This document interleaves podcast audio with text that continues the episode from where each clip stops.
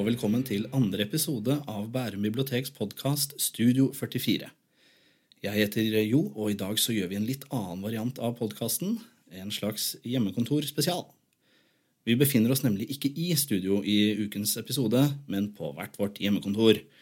Mitt hjemmekontor har en løvblåser på utsiden, så jeg håper ikke den høres altfor godt. Vi har tre bokanbefalinger på lur, og har av den grunn kalt denne episoden Boktips EP. Boktipsene er spilt inn på forhånd, og så har vi satt dem sammen til en episode. I dag så er det Elisabeth, Elin og Marianne som har tatt med bøker til deg, og da sier jeg bare god lytting. Har du lest denne? Har du sett den, den filmen der? Det er en helt nydelig plate. Er Biblioteket anbefaler. Hei, jeg heter Elisabeth. Jeg eh, kommer med et boktips til deg. Det er en bok som heter 'Drapet på kommandanten' av Haruki Murakami. Jeg tror kanskje det er sånn at enten så liker man bøkene til Murakami, eller så gjør man det ikke. En typisk Murakami-roman er fullspekket med mysterier og overnaturlige ting som skjer. Og det finner vi igjen også i denne boka. På norsk så har den blitt utgitt i to bind, og jeg har så langt bare lest den første. Den handler om en mann på 36 år som jobber som portrettmaler. Kona gjennom de siste seks år har fortalt at hun ikke vil leve sammen med han mer. Eh, Hovedpersonen vår, som ikke har noe navn, han får låne et hus langt oppe i de japanske fjellene. Han som bodde der tidligere, var en berømt kunstmaler, men har nå blitt dement og havnet på pleie. Hovedpersonen vår gir eh, beskjed til byrået han jobber for, at han vil slutte med å male portretter. Det er han lei av. Heretter så vil han bare male akkurat de maleriene som han selv får lyst til å male. Eh, hovedpersonen finner et maleri som er godt innpakket, liggende oppå et loft i dette huset han flytter inn i. Eh, ja, det er godt pakket inn. Altså, han klarer ikke å la være, han må bare åpne det. Og han får se et ganske uhyggelig bilde, men som også er veldig vakkert. Og på baksiden så står det eh, 'Drapet på kommandanten'.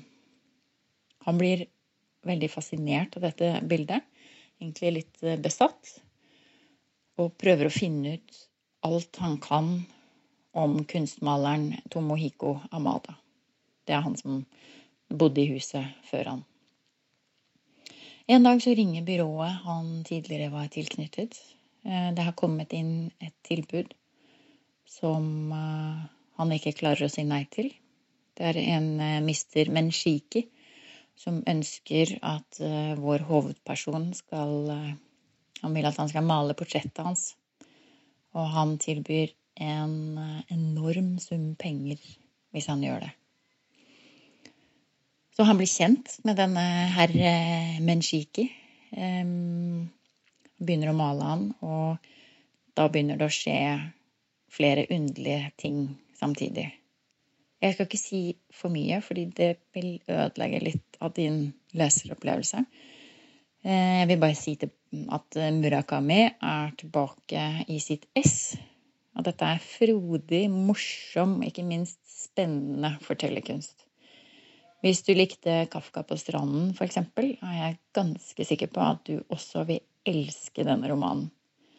Nå skal jeg skynde meg tilbake til del to av boken.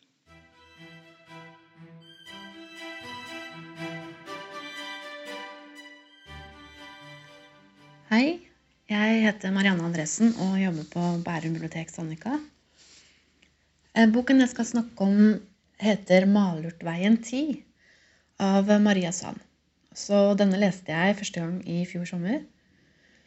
Eh, Denne uken her så har hovedpersonen Mi dukket opp i tankene mine mange ganger. Og jeg lurer fælt på hvordan hun ville taklet eh, dagens koronasituasjon.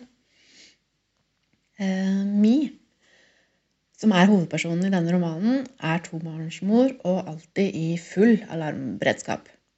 Gjennom oppveksten ble hun hele tiden gjort oppmerksom på at ulykken, den var aldri langt unna. Mantraet i familien var eh, 'pass deg for bilene', 'pass deg for vannet', 'pass deg for fremmede'. Denne frykten kom inn i familien på 1920-tallet, da Mies oldemor var nygift og har ikke sluppet taket siden.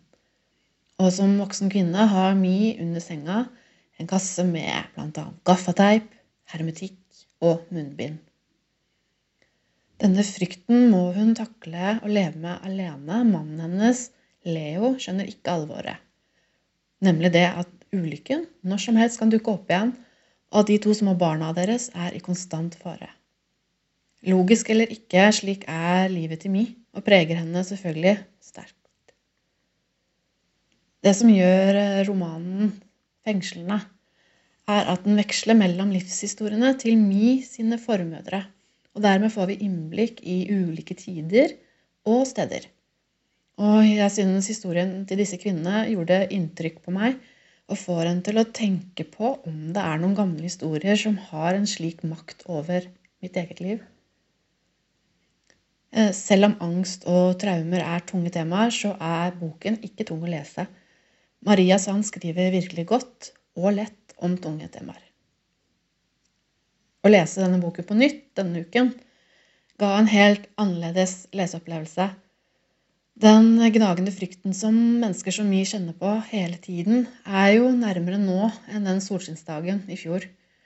Når det kommer til hvordan Mi ville taklet denne hverdagen, så tror jeg hun var helt klar. Godt forberedt allerede i januar, da nyheten om korona sprakk. Kanskje hun til og med ville følt en form for lettelse. Endelig skjer det hun, det hun har fryktet.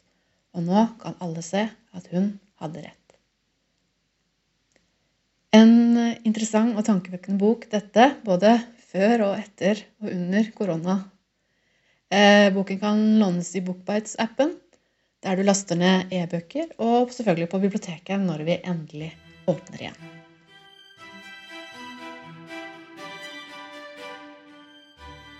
Jeg skal fortelle om noe som er en av mine absolutte yndlingsbøker, som gjorde enormt inntrykk på meg som ungdom, og som jeg fremdeles mener er en av de beste bøkene jeg har lest, og som også er en av de virkelige bautaene innen norsk litteraturhistorie. Eh, Det er Bestialitetens historie av Jens Bjørneboe. Eh, Verket består av tre bøker. Frihetens øyeblikk, Kruttårnet og Stillheten. Fortelleren i boka er rettstjener av yrke, altså en mann som har som jobb å nedtegne forbrytelser uten å dømme selv, og han har altså satt seg fore å skrive ned både sin egen historie og samtidig en menneskehistorie, med fokus på alt det forferdelige vi gjør mot hverandre.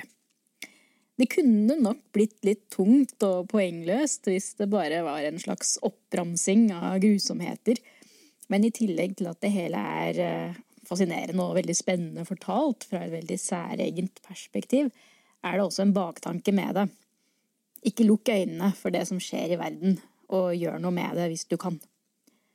Bøkene de følger ikke noen stram historie, og de har ganske forskjellige stemninger. I den første boken så møter vi rettstjeneren, som da jobber i et lite fyrstedømme i Alpene. Og her handler det mye om det ondes ideologi, noe som jo lå veldig tett på huden for de som, som Bjørneboe selv, som levde gjennom andre verdenskrig, og så vanlige mennesker underkaste seg nazismen, siden de da ble beordret om å gjøre det. Og i den andre boken er han pasient ved et mentalsykehus, og her er det problematikk rundt dødsstraff særlig da, som diskuteres, eh, med da hekseprosessene som eksempel. Den siste boka, Stillheten, handler om kolonialismen. Der forteller han i et afrikansk land, eh, hvor andre verdenskrig sine grusomheter ikke fremstår som så ekstraordinært for de innfødte etter hva de har måttet tåle av eksempel belgierne sin praksis i Kongo, slavehandel over til Amerika og mye mer. Bestialitetens historie det er bøker for alle med sterk sans for rettferdighet og interesse for historie, og som nyter bøker med gnistrende godt språk. Og de kan også lånes i appen vår Bookbites. Vi fikk altså presentert Drapet på kommandanten av Haruka Murakami, Malurtveien 10 av Maria Sand og Bestialitetens historie av Jens Bjørneboe. Boktipsene ble levert av Elisabeth Stavseth Laheld, Marianne Andresen og Elin Lien. Alle tre bøkene finner du også i Bookbites-appen. Jeg håper du likte podkasten vår. Takk for at du hørte på, og god helg!